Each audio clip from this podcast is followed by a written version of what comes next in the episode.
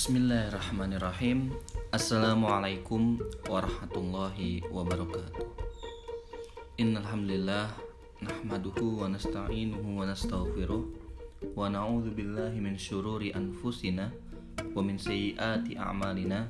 May yahdillah falamudillalah Wa may yudlil falahadiyalah Asyhadu an la ilaha illallah wa anna muhammadan abduhu wa rasuluhu. La nabiyya wa la rasula ba'da amma ba'du Ikhwani fil akidah Pada pagi hari ini kembali kita akan membacakan beberapa hadis dari kitab Bulughul Maram karya Syekh Ibnu Hajar Al Asqalani yang kemudian akan kita lanjutkan dengan syarahnya dari kitab Subul Salam karya Syekh Muhammad bin Ismail As-Sun'ani.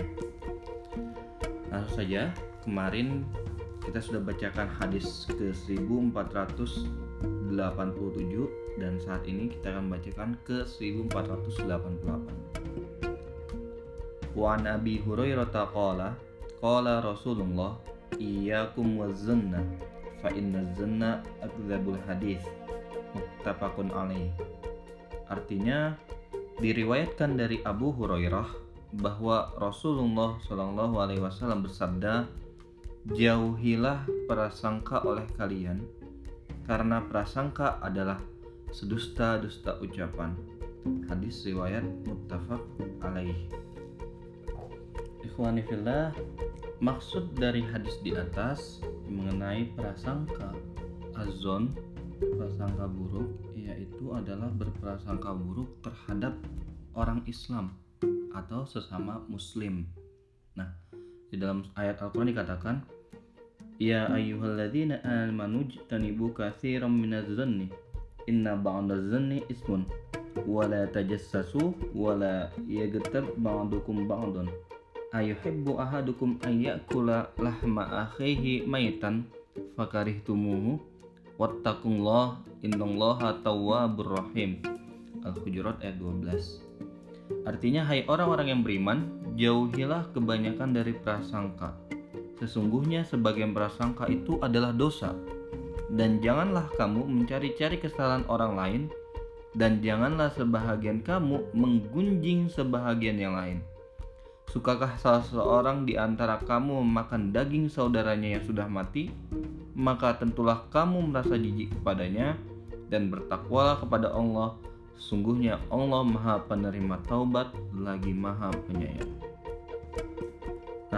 Ikhwanifillah, zon yaitu goresan jiwa yang berkemungkinan benar atau batil dan dihukumi ketika sudah direalisasikan dan diamalkan.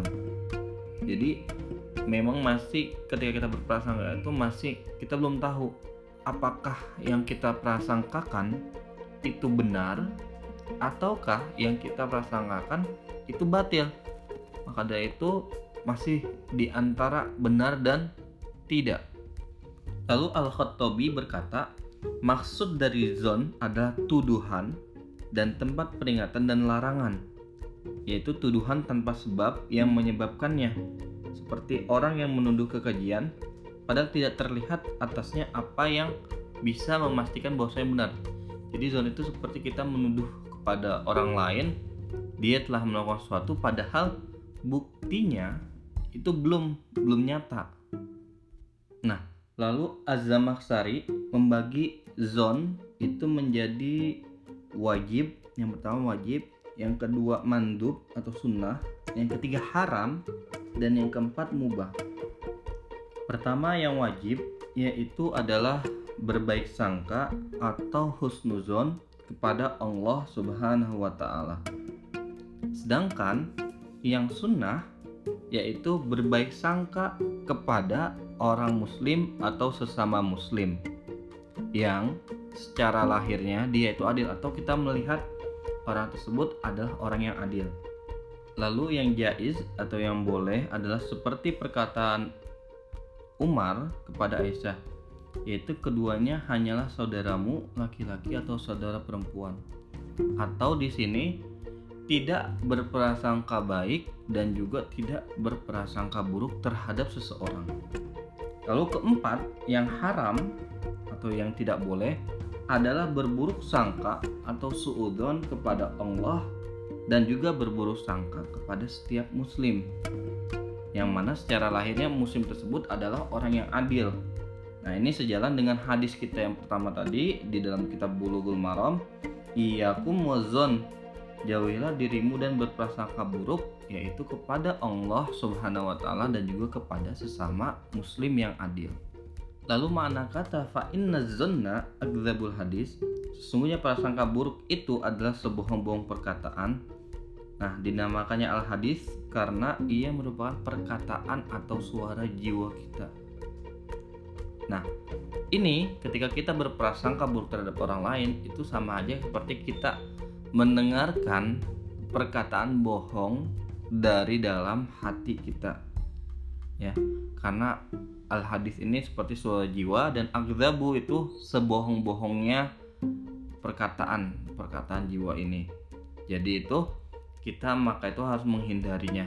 Karena kita tidak tahu apakah uh, zon kita atau prasangka kita ini benar atau tidak. Maka sebaik-baiknya adalah tadi yang kita berhusnuzon kepada Allah berhusnuzon kepada muslim dan juga yang bolehnya yaitu kita uh, tidak berhusnuzon dan tidak juga bersuuzon dan yang tidak boleh adalah kita bersuuzon terhadap Allah dan terhadap sesama muslim.